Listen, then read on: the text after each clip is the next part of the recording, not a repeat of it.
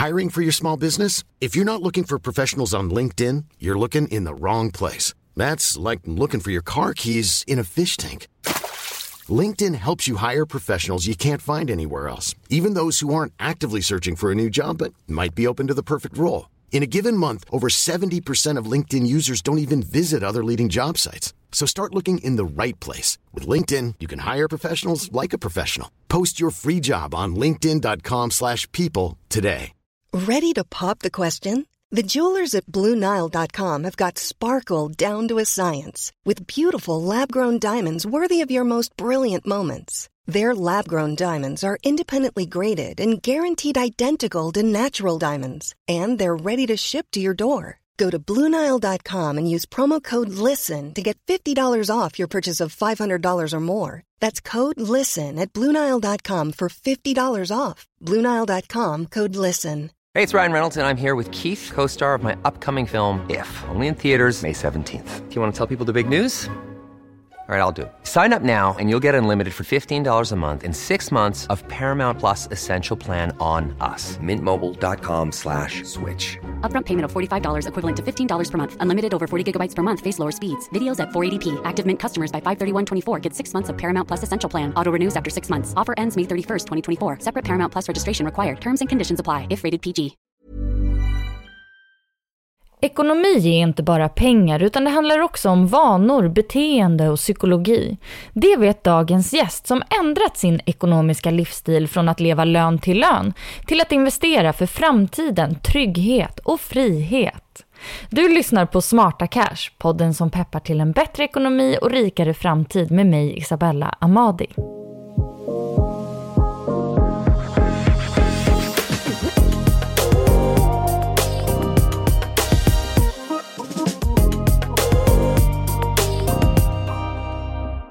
Hej och välkommen till dagens avsnitt där vi idag får ta del av en personlig sparresa med en vision om finansiell frihet och rikedom för kommande generationer. Får man inte lite rysningar av det? Eh, jag säger välkommen till Malin Selin. Hej Isabella. Hej Malin, vad kul att ha med dig i min podd. Ja, tack för att jag får vara här. Vilken ära. Ja, alltså jag ser verkligen fram emot att få höra din historia, för vi kommer ju prata om eh, ja, både då och nu och sparande, investeringar, allt möjligt. Eh, men vi kanske kan börja med att bara prata lite kort om vem du är idag. Alltså, kan vi bara få en liten bild av dig? Vem är du? Absolut. Jo, jag är 34 år och jag bor eh, i en villa i Kungsbacka söder om Göteborg. Jag är gift och har tre stycken små barn hemma. Och från början så är jag bank och finansjurist. Men just nu så jobbar jag på, eller som bolagsjurist på ett internationellt företag. Och på fritiden så är jag ju ekonomiskt intresserad och driver lite sidoprojekt och ja, ägnar mig egentligen åt det mesta som rör privatekonomi och investeringar ska jag säga. Okej, så lite så här, du är sparnörd. Ja, jag kan nog nästan skriva under på det. ja, visst, ja, men frågar du mina kompisar i min eh, närmaste krets så absolut så är det. På vilket sätt tar det sig uttryck eh, i din bekantskapskrets att du är nördig med sparande och så? Ja, men jag kan nog hitta ett sätt att leda om varje konversation till ekonomi. och eh, är väl den här eh, jobbiga kollegan som tar upp ekonomi på varje lunch och frågar folk om tjänstepensionen och tycker det är viktigt. Och ja, vill gärna sprida vidare det jag har läst eller hört. Mm. Så vill man småprata ekonomi kan man alltid komma förbi mig. Alla borde ha en sån person i sitt liv som alltid är redo att prata pengar. Ja, oh, vad glad jag blir att du säger det. Ja, men också framförallt för att det kan kännas så himla tabubelagt för många eh, också. Men eh, för dig då, varför är privatekonomi och sparande viktigt? Jo, men det är viktigt för jag tänker att eh, det är en stor del i eh, att bygga upp sitt liv och skapa en eh, hälsosam och trygg grund eh, i livet. Och alla har vi drömmar som vi vill uppnå eller ett liv som vi har en ambition att nå och bygga upp och då tycker jag att privatekonomi och sparande och investeringar är ett jättebra verktyg för att kunna nå dit man vill. Ehm, och också då för att kunna skapa den här tryggheten. Till exempel för framtiden om någon skulle bli sjuk eller om någonting oväntat skulle hända i livet så kan man förhoppningsvis luta sig tillbaka lite på sin ekonomi i den stunden och i alla fall känna den tryggheten. Så att man eh, lägger en grund tidigt, det tror jag är viktigt. Mm. Eh, och för dig då, vad har du för sparmål? Jag är så glad att du frågar. Även det är, eh, mitt yttersta sparmål är ju att jag och min familj ska bygga en ekonomisk grund som vi kan eh, luta oss tillbaka till eh, i framtiden. Så att vi, eh, beroende på vad livet för oss, så kan vi använda den för att ja, styra livet lite dit vi vill eller uppnå de drömmarna vi vill utan att känna att det är ekonomin som hindrar oss. Jag tror vi kan bli lite mer fria i vårt tankesätt där eh, och i våra prioriteringar. Och sen eh, för att vara lite mer specifik kanske så ja, jag skulle gärna vilja bli ekonomiskt fri eller work optional som jag brukar säga. Alltså att eh, man är inte beroende utav sin yttersta eh, ut, ut, utav arbetet som sådant och känna att man kan vara lite mer fri i sitt tankesätt där och hur man nu ska fokusera sitt engagemang. Mm. Eh, och du vill liksom inte bara då att det är du som ska bli ekonomiskt fri, eller det är också barnen och framtiden du ser framför dig? Ja, absolut. Just nu det är ju jag och min man då som jobbar tillsammans på de här målen. Så vi har ju gemensamt eh, sparmål och eh, liksom den här drömmen som vi när tillsammans. Men i framtiden är det ju tanken att vi ska kunna ge vidare detta till våra barn, alltså i form dels utav eh, att de kommer få ta del av de här möjligheterna som vi förhoppningsvis kan bygga upp nu och skapa förutsättningar för. Eh, också att vi kan spendera mer tid tillsammans med dem och att vi kan bidra med den kunskap vi har och de relationer eller rutiner som vi sätter, att de kommer se det och förhoppningsvis kan det appliceras i deras liv. Lite undermedvetet kanske, men vi hoppas ju att de kommer ta med sig mycket av det här som vi nu gör och där vi kan vara förebilder för dem. Ja, alltså det är inga dåliga sparmål du har. Eh, och vi måste absolut prata mer om hur du ska göra för att uppnå dem. Men först tänker jag mig att vi vrider tillbaka klockan lite grann och tittar på innan. För du har kanske inte alltid varit så sparintresserad som du var idag, eller? Nej, men det är sant. Jag eh, har nog alltid varit ganska sund med pengar, men jag har inte tidigare varit så medveten kring eh, att pengar kan vara ett verktyg för att uppnå andra saker än konsumtion eh, och sådär, utan eh, det har jag upptäckt på senare tid. Och Eh, förr så tänkte jag nog mer som pengar som något som man skulle använda eller förbruka på sånt man tyckte var roligt eller sånt man ville göra. Men jag visste inte om de här olika strategierna man kan använda för att eh, låta pengarna göra nytta på annat håll eller låta pengarna skapa nya pengar genom att investera och ränta på ränta och allt det där. Så eh, när jag fick mitt första jobb till exempel, om man går tillbaka till det då, och fick min första lön och sådär, då eh, gjorde jag väl mycket så som de i min omgivning gjorde och konsumerade på samma saker som dem. Och jag hade ingen större eftertanke eller plan med mina pengar utan jag levde lön till lön och så investerade jag aldrig och jag hade egentligen inte så mycket sparat. Så, så såg det ut innan jag fick mitt ekonomiska uppvaknande. Mm. Eh, och om du tittar tillbaka ännu längre då på liksom din uppväxt, vad fick du lära dig om pengar? Hur var, hur var familjens förhållningssätt till ekonomin? Ja, vi har egentligen inte pratat jättemycket om pengar eller investeringar och sådär i familjen när jag växte upp. Och det fanns ingen direkt i min närhet som hade ett intresse av att spara på börsen eller investeringar och sådär. Så det har jag upptäckt först senare i livet. Men eh, min mamma var ekonomichef och min pappa var vd på ett företag så de hade säkerligen egentligen koll på de här bitarna. Bara nog att de aldrig intresserade sig för det eh, i privatlivet eller tog hem det och eh, pratade med oss om det. Så, men när jag, eh, när jag var liten så trodde jag när jag växte upp att vi var nog ganska rika i min familj tänkte jag. Vi hade en fantastisk uppväxt, eh, jag och mina syskon, där vi fick allting som vi önskade oss och föräldrarna hade fina jobb och bra inkomster och vi bodde stort och vi åkte på massa roliga resor. Och eh, vår historia är lite intressant för att de eh, byggde upp en livsstil som jag tror många gör i den perioden i livet när man är yngre, har barn och kanske framförallt om man har lite bättre inkomster, att man skaffar sig också ganska höga omkostnader.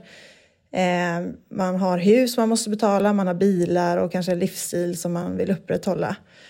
Och det blev ett ganska eh, plötsligt eh, slut på det för vår familj när min pappa blev helt oväntat eh, allvarligt sjuk. Så över en natt så kunde han inte jobba längre. Och då ställs ju allt det där lite på sin ända. För då fanns ju inte de här inkomsterna. Eh, mamma blev ju väldigt ensam i att hantera ekonomin. För hon ville ju inte belasta honom med det här tråkiga mitt i eh, sjukdomsperioden. Utan hon ville ju gärna att han skulle kunna fokusera på att bli frisk. Eh, och så tror jag att det blev, eh, ja, allt eftersom åren gick då, svårare att få ihop det ekonomiskt och få de här omkostnaderna att bli täckta. Och då istället för att kanske sätta sig ner och göra en plan och liksom ta tag i det här i god tid så tror jag det kan vara svårt ibland med det känslomässiga att eh, få kraft till det utan man kanske fokuserar på det som absolut behövs göras, alltså klara sitt jobb, eh, betala de räkningarna man kan och fokusera på hem och barn. Och då fanns det helt enkelt inte tid eller ork att liksom reda upp i detta utan det blev snabba kortsiktiga lösningar.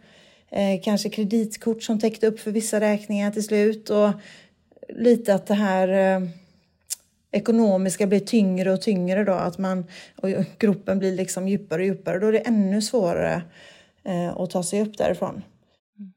Så hur gick det liksom för familjen? Fick, fick ni börja dra in på den här konsumtionen? Blev det livsstilsförändringar till slut? Ja, till en början så skulle jag säga att det var nog ganska länge som hon lyckades hålla i, ihop detta. Och hon har ju gjort ett, jag förstår jag nu efterhand, liksom superjobb med det här.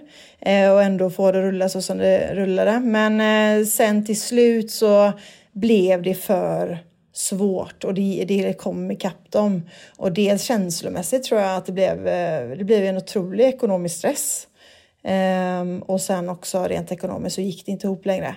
Men då var vi vuxna, vi barn, så att då uh, när vi fick reda på det så hade det ju pågått länge så det fanns inte riktigt de här möjligheterna att kunna gå in och hjälpa till eller liksom reda upp och sådär. Så att då, då blev det ju drastiska förändringar eh, för dem till slut, absolut. Då fick de ju eh, leva på ett helt annat sätt och eh, min pappa blev sjukpensionär till exempel. Han kunde aldrig gå tillbaka till arbetet. Och min mamma tvingades ju att gå ner i tid och få en helt annan inkomst. Um, så ja, då såg så det ju helt annorlunda ut. Mm. Vad livet kan förändras. Ja, verkligen. Eh, och så där plötsligt också. Det är ju omöjligt att planera för egentligen. Eh, vilka lärdomar tar du med dig från din familjs historia? Ja, men jag tänker precis på det du sa, att det kan ändras väldigt plötsligt i livet och man kan inte ta någonting för givet.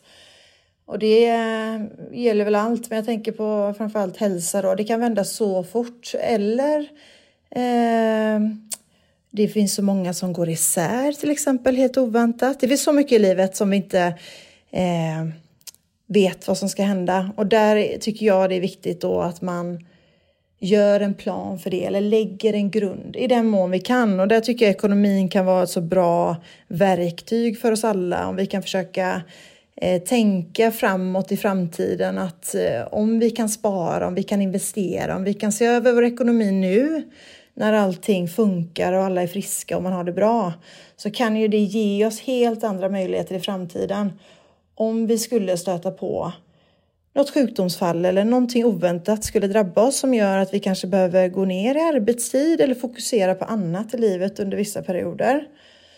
Och då kan ju ekonomin vara en viktig del eh, för att kunna avlasta där. Så att man inte känner den här ekonomiska stressen mitt i detta. För jag tror, jag som har sett det här då på nära håll, vet jag att det är väldigt mycket att stå i känslomässigt i övrigt och hantera en familj som går igenom någonting svårt och då samtidigt lägga på en ekonomisk stress. Det, det blir ju lätt för mycket. Mm. Så du har den här liksom familjehistoriken i ditt bagage. När du blev liksom ung vuxen så levde du ändå själv lite så här lön till lön.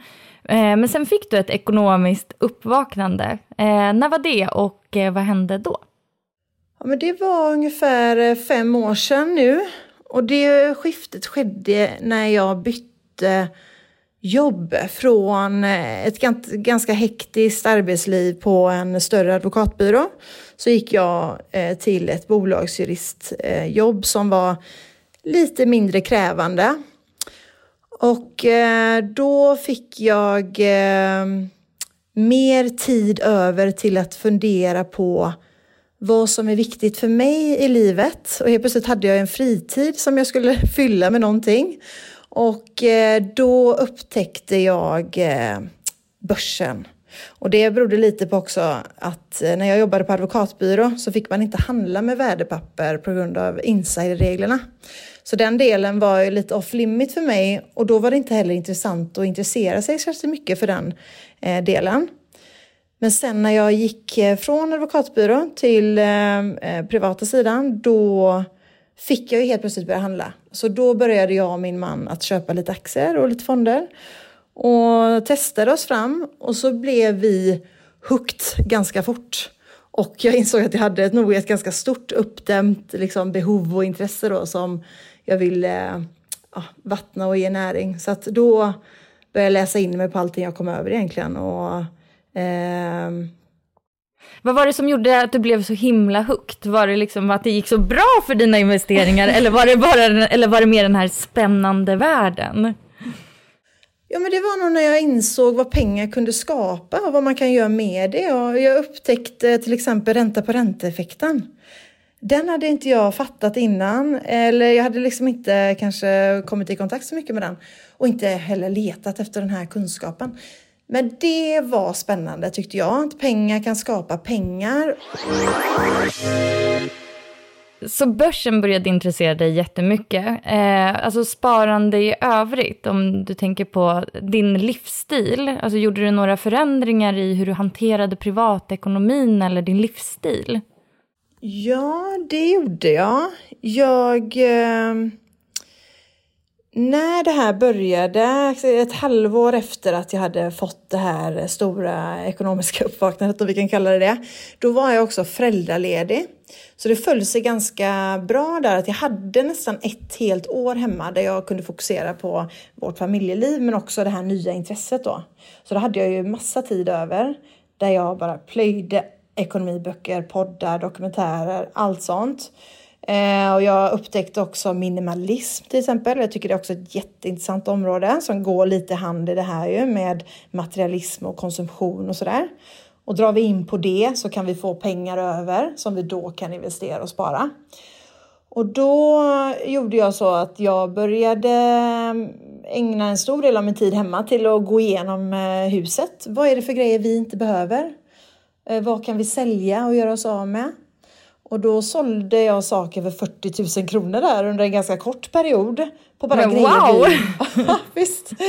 På grejer som låg hemma. Det var gamla barnkläder och eh, barnleksaker och sånt där som egentligen bara tog tid från mig hemma för att jag behövde gå och plocka upp dem och ställa ordning det och sådär. Så jag ville ju gärna eh, bli av med det och få ut det i huset. Så det blev lite win-win. Det blev mer städat ordning hemma det blir mer eh, luftigt rent tidsmässigt för mig, också i sinnet. Och sen fick vi de här extra pengarna som vi då använde för att lägga in på eh, Avanza som ett startkapital kan man säga. Så då, det var kul för det blev en bra och rolig början på den resan. Och då kunde man ju se att det började hända grejer också eh, ganska fort som gjorde att man blev ännu mer triggad när man såg att det var liksom blåa siffror. Det här var ju när börsen gick ju fortfarande väldigt bra. Om vi kollar fem år tillbaka så var det ju nästan en konstant uppgång. Så det var en tacksam tid att komma in på marknaden. Då blir man ju lätt hooked när det går bra. Ja, man blir ju verkligen det. Eh, men också jättepositivt med det här startkapitalet i form av utrensade prylar egentligen. För det kan nog många föräldrar känna igen sig i. Alltså hur mycket leksaker har man inte som bara dräller? Det känns som att ingen ens leker med dem. Varför har man så många egentligen? Det sägs väl att ett, varje barn har typ 500 leksaker eller något sånt där. Man bara, alltså jag är typ inte förvånad. Nej, det är alldeles för mycket grejer. Och vi har ju tre barn hemma, så jag känner att det kan snabbt byggas på med mycket saker. Så jag försöker tänka lite den här, du vet, en grej in, en grej ut. Och det är svårt ibland, men jag har märkt att hela familjen vinner på det. För att vi behöver inte städa lika mycket och barnen behöver inte så mycket saker, för de kan ändå inte hinna leka med allting.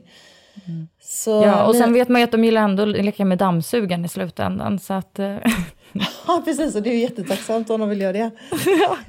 Så mina barn nu, de är väldigt inkörda med det här med eh, second hand. Vi handlar jättemycket på second hand och vi rensar ut ofta och de ser det och de är en del av det. Så om de inte hittar någonting hemma, då kan de komma och fråga mig så här, mamma, har du sålt den? Eller var den tagit vägen?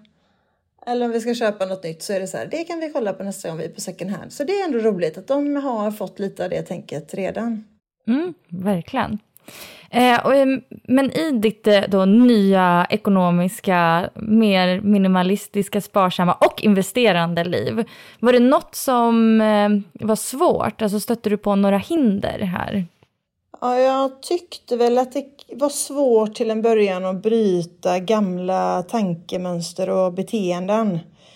Till exempel i form av den här eh, konsumtionstrappan eh, som jag kallar det som många lider av. Alltså det här att man är så inprogrammerad från samhället och alla normerna att man hela tiden ska kämpa efter att man ska ha ett större hus och en finare bil, finare resor och bättre inredning. Och har vi möjlighet så ska vi gärna konsumera mer eller låna mer på hus och så vidare.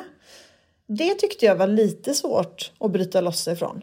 Så jag fick verkligen jobba med det i början och gå tillbaka till mig själv hela tiden och tänka varför vill jag köpa den här grejen? Är det för mig själv eller för någon annan? Är det för status eller för att jag verkligen behöver den eller vill ha den? Eh, ger det här mig någon glädje och vinning för mig och min familj eller gör jag det för någon annan? Så där kunde man komma på avvägar ibland. Så det, och det tror jag fortfarande är en resa som man hela tiden blir bättre på. Någonting man får öva sig på hela tiden. Verkligen. Alltså ekonom, ekonomi handlar ju väldigt mycket om personlig utveckling. Att man förändrar sina beteenden och sina vanor, rutiner, hur man är gentemot andra människor och ja, men verkligen så här, sig själv. Om man tänker all den här tröstshopping eller liksom jag ska unna mig, jag mår dåligt, jag behöver det här kostsamma för att må bra. Precis, ja, men det kan jag skriva under på. Jag kan se på mig själv och min man att i den här resan som vi har gjort nu ekonomiskt så har det ju skett väldigt mycket eh, i vår personliga utveckling också. Så det, det är ju glädjande att de här grejerna går hand i hand. Och jag har fått gå tillbaks ganska mycket och kolla på mina egna invanda beteenden som jag kanske har haft med mig från barndomen och sådär som jag kanske har fått när vi har vuxit upp i den här settingen som vi hade i familjen. Eh, där jag har fått ifrågasätta lite, precis varför gör jag så här? Eller som du nämnde med shoppingen. Varför har jag helt plötsligt ett shoppingbehov nu och varför eh, och ska jag lyssna på det eller ska jag inte göra det? Så man får vara lite kritisk. Ja. För jag tror det var lite så också när vi växte upp att kanske att eh, det var så jobbigt ibland med den här sjukdomen som var på nära håll att man ibland använde kanske konsumtion eller upplevelse för också döva den smärtan. Alltså lite så här, nu ska vi ha roligt, vi ska bara ha, nu fokuserar vi på det och så tänker man lite kortsiktigt då. Och då, då är det klart att det lättar ju upp stämningen för stunden men i det långa loppet så är det ju kanske inte det som löser problemen så sett. När vi eh, chattade lite med varandra så pratade du mycket om så här att bryta familjens mönster. Kan du inte berätta lite om det? Ja, precis. Ja, men jag, jag tänker att jag försöker ta lärdom så mycket av det eh, eller som jag kan av det som vi har upplevt i min familj när jag växte upp. Alltså det här att leva lön till lön blir väldigt sårbart. Eh, och att det är viktigt att man investerar och gör en plan för framtiden och skaffar sig liksom, ekonomisk eh, buffert och, och lyftutrymme i sitt, eh, sin ekonomiska vardag. Så där tänker jag att jag försöker Eh, etablera det nu för min familj framåt och försöker bygga den grunden. Ifall vi skulle råka ut för något liknande, till exempel om någon av oss blir sjuka, så vill vi kunna ha möjligheten att, att känna oss trygga att vi har det här att luta oss tillbaka på. Och eh, förhoppningsvis även kunna intressera våra barn för samma sak och kunna hjälpa dem i framtiden om de skulle behöva hjälp ekonomiskt. Eh, och att de sen i sin tur då förhoppningsvis har kunskaper som gör att de kommer också bygga upp en sån här trygghet. Så att vi kan känna oss trygga att om det händer dem någonting så har de också detta att luta sig tillbaka mot. Mm. Nu blir det nästan lite samma fråga här, men hur skulle du beskriva ditt ekonomiska mindset innan eh, och efter du tog tag i din ekonomi? Eh, innan hade jag en eh, ganska hög konsumtion och jag levde lön till lön och jag hade inga besparingar och inga egentligen tydliga privata ekonomiska mål.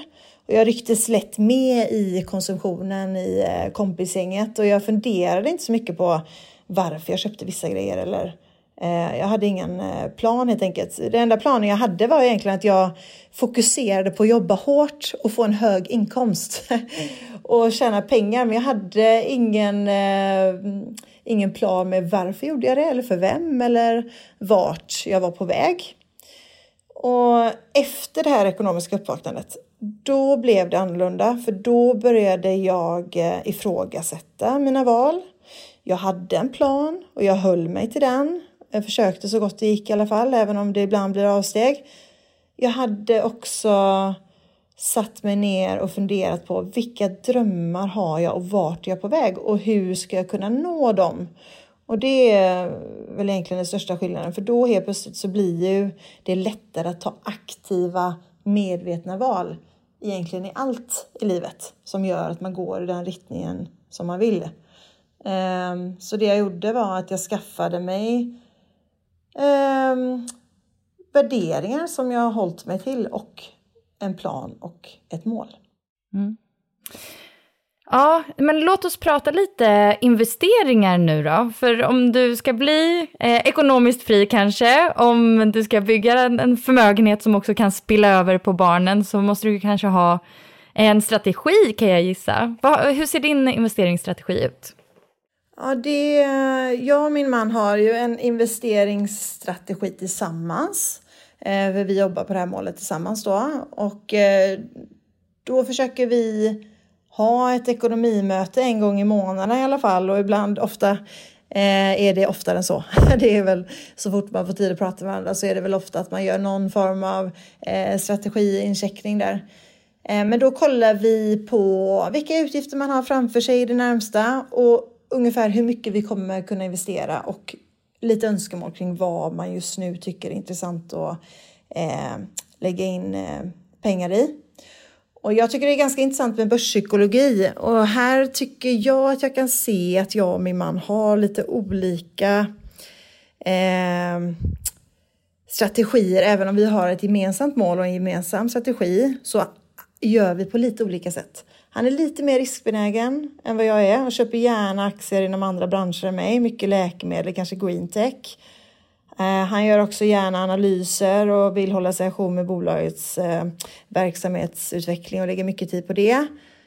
Medan jag har en personlighet som gör att jag gärna tar lite mindre risk. Köper gärna bolag som jag känner till och som har funnits på marknaden länge och som jag känner mig mer trygg med att de har bevisat sig på marknaden. Så det, där kan det skilja sig åt. Så där måste man då försöka komma samman så att det blir en gemensam strategi. Så där blir det lite diskussioner hemma, men vi brukar kunna eh, lösa det. Vad är typiska Malin-aktier då? Uh, ja men det är ju egentligen liksom OMX30-aktier, större svenska stabila bolag, gärna lite utdelningsaktier. Uh, men egentligen är jag en förespråkare av globala indexfonder med låg avgift. Nej men alltså, vara... det älskar man ju bara. Ja, tack! Precis. Eh, och, och, och det, så det vill jag verkligen säga, att det är väl det bästa. Och också, jag tycker att forskningen pekar åt att är du passiv, du har indexfonder med låga avgifter, då är du hemma. Då kommer, det, då kommer du komma långt på det. Eh, och sen kan man ha en liten lekhink vid sidan av för att liksom få ut det här utloppet för kanske mm, aktien och det roliga med det. Men så nu som vår strategi är nu så vill jag försöka flytta oss mycket mer mot indexfonderna. Så jag försöker få med min man på detta, så det är en ständig diskussion hemma.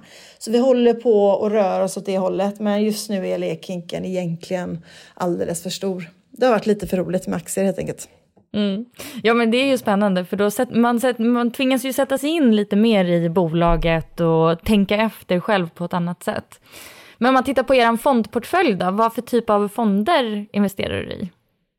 Eh, ja men eh, globala indexfonder, eh, det är egentligen ah, en global indexfond, ganska stort fokus på den. Eh, låga avgifter rakt igenom. Jag har lite småbolag eh, och eh, sen har jag några med eh, eh fonder som fokuserar mer på utdelningsaktier då. Men låga avgifter, där fokuserar jag. Jag kollar alltid på avgiften och så får det avgöra. Jag ägnar mig faktiskt inte åt några aktiva fonder, även om jag tycker många av dem är intressanta också. Men där försöker jag hålla mig till den strategin, att det ska vara låga avgifter. Mm. Hur mycket investerar du då? Har, har ni en viss procent ni alltid för över till eh, ert sparande eller en summa varje månad? Hur tänker ni? Det kan variera lite beroende på vad vi har för utgifter den månaden. För eh, vi, eh, ibland behöver man ju till exempel renovera lite hemma eller göra några större utgifter så sätt och då kan det bli lite mindre en månad. Men sen å andra sidan kanske vi får in mer pengar en annan månad. Till exempel för någon sidoinkomst eller om vi får eh, bonus på jobbet eller skatteåterbäring. Så sett på året om man slår ut det per månad så skulle jag säga att vi försöker lägga ungefär 20 procent av den totala lönen efter skatt då. Mellan 15 och 20 har det legat på ungefär. Mm. Det är ju bra ändå. Ja, jag tycker det. Absolut. Och den här siffran har vi jobbat upp eh, ja, länge nu, eller ett par år. Så att, eh, jag är jättenöjd med den. Eh, Finns det någon, liksom, och var, var kommer du känna att nu har jag lyckats? Alltså, finns det någon summa när du känner att om jag når den här, då är jag nöjd? Då är jag rik. ja, precis. Ja, det är så svårt att säga. Jag har en liten farhåga om att det kanske är så här att man liksom aldrig någonsin blir nöjd. Jag tycker man kan se det på folk som har föregått oss och gjort liksom ännu större resa. Eh, så där får man nog eh, försöka sätta ett mål tidigt och försöka eh, jobba med det. Liksom. Att när vi når det, då ska vi verkligen försöka vara nöjda med det eller att det får ingå som en del av planen. Så att man sen faktiskt lever det livet och de drömmarna man har satt upp då, så man inte bara fortsätter att springa hela tiden. Eh, och jag skulle säga att det målet som jag har sikte på nu, det är väl att komma upp i ett investerat kapital som innebär att vi då kan leva på avkastningen av det kapitalet. Och då är det den här kända 4 regeln då. Så när vår årsbudgeten, eller vår årsbudget motsvarar ungefär 4% av vårt totala sparade kapital. Där hoppas jag verkligen eh, att, vi, eh, att vi kommer kunna känna oss nöjda och att vi kanske då kan också vara lugna i och försöka då leva på det sättet. Men det blir spännande att se om eh, vi kommer dit och om det blir så då. Mm. Åtminstone så måste ni ju verkligen klappa er själva på ryggen att ni har lyckats ta er dit. Även om man inte är nöjd så får man ändå bara, fast det här var en milstolpe. Alltså, Precis, ja, men och det tror jag är viktigt att försöka fira varenda liten vinst så. Och, och det, det försöker vi göra så fort man har nått liksom ett, eh, ett mål i sparandet så får det bli något litet farande, eh, firande längs med vägen. Och då, om vi når dit, ja men då får vi slå på stort, det tror jag. Absolut, då får vi planera långt i förväg. då bjuder jag in dig Isabella, får du komma och fira med oss. Yes, underbart. För jag kommer kanske inte ha lyckats nå mina mål till dess. Det låter som att du är en bra bit på vägen i alla fall. Ja, men tillsammans ska vi nog kunna komma långt tillsammans. Eller hur? Men har du gjort några misstag då på börsen som du kan dela med dig av? Eller någon viktig lärdom som eh, man kan ja, lä lära sig av? Ja, absolut. men vi har gjort många misstag där och vi brukar väl tänka att det är learning by doing egentligen, bara man kommer igång. Så vi kastade oss ut utan att egentligen veta så mycket vad vi höll på med. Och vi har testat allt möjligt. Vi har köpt certifikat med hävstång och liksom tradeat när man har varit på lekplatser med ungarna utan att riktigt veta vad man har sysslat med. Och som tur var så tog vi vårt förnuft till fånga ganska fort och slutade med det. Eh, och sen har vi till exempel investerat i aktier vi inte har förstått oss på eller där vi inte har varit tillräckligt eh, insatta.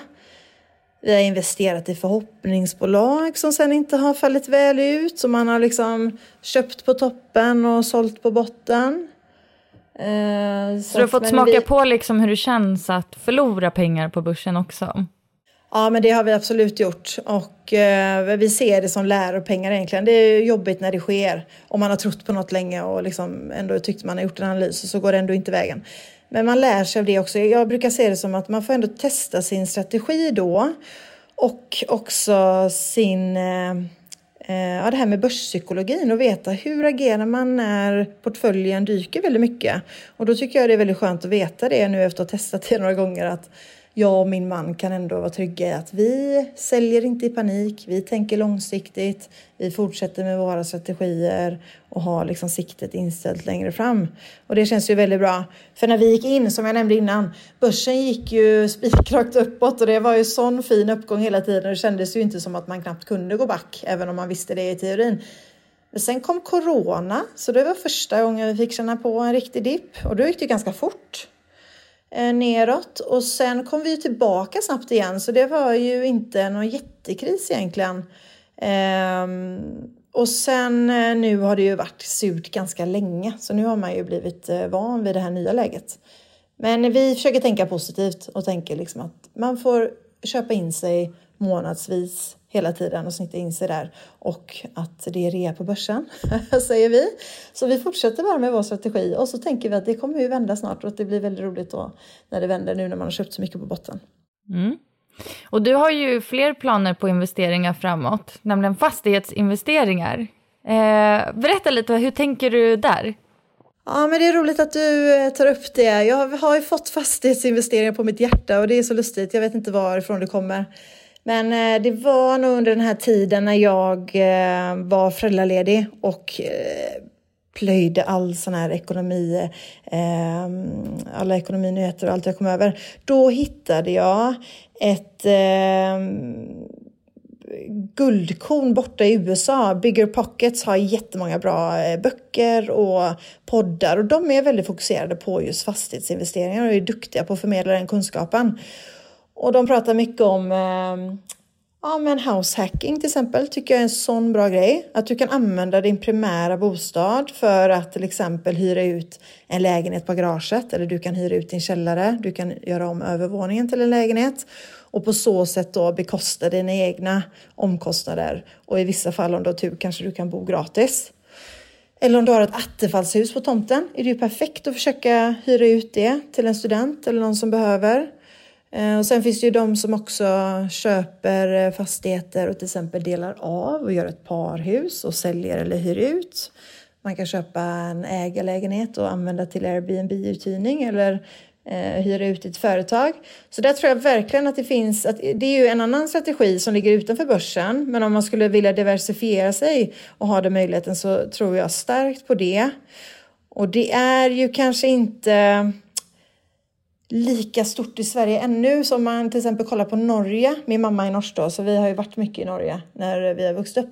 Där finns det en helt annan kultur av det här med att man hyr ut sin källare eller man har en del av eh, det privata boendet som man faktiskt hyr ut. Det är en hel kultur där, så det är så vanligt för dem.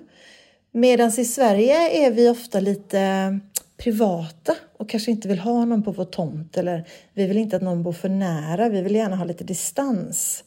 Så här har jag ju haft väldigt svårt att få med min man på det här, för han är lite privat så sätt. Han vill inte gärna ha någon annan som bor liksom för nära oss eller eh, i lägenhet i huset eller så. Så då, ja, ja den eh, kampanjen får fortsätta hemma.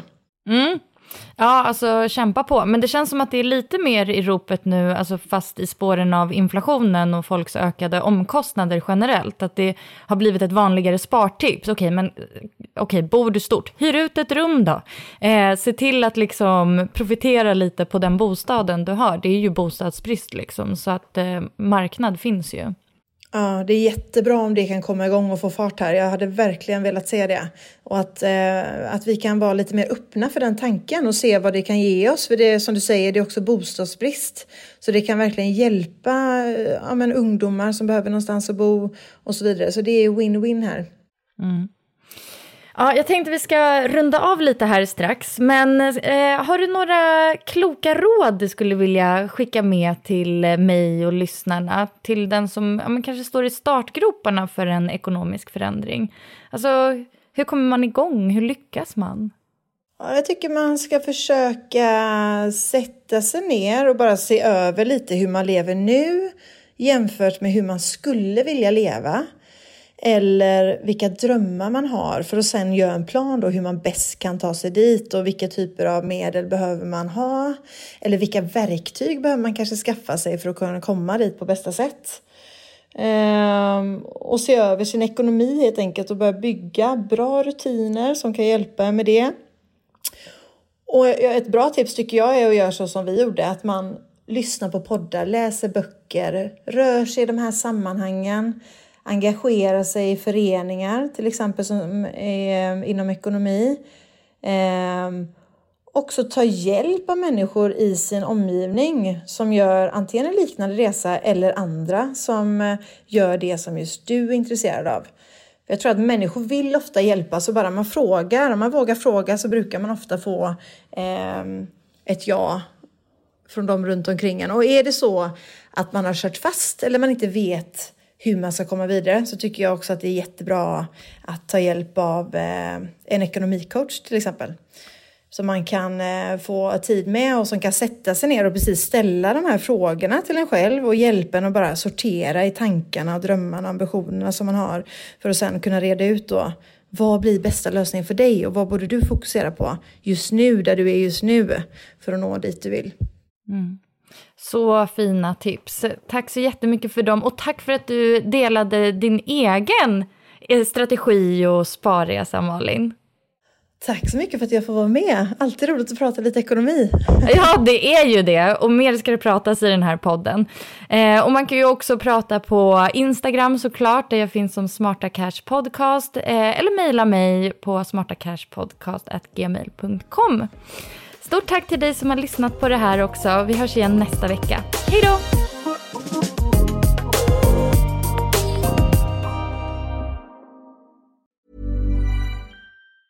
Planning for your next trip? Elevate your travel style with Quince. Quince has all the jet-setting essentials you'll want for your next getaway, like European linen, premium luggage options, buttery soft Italian leather bags, and so much more. And it's all priced at 50 to 80% less than similar brands. Plus, Quince only works with factories that use safe and ethical manufacturing practices. Pack your bags with high-quality essentials you'll be wearing for vacations to come with Quince. Go to quince.com slash trip for free shipping and 365-day returns. Planning for your next trip?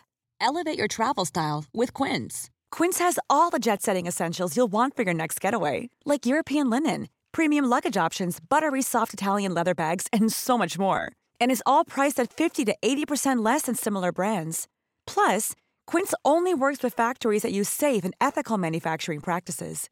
Pack your bags with high-quality essentials you'll be wearing for vacations to come with Quince. Go to quince.com/pack for free shipping and 365-day returns.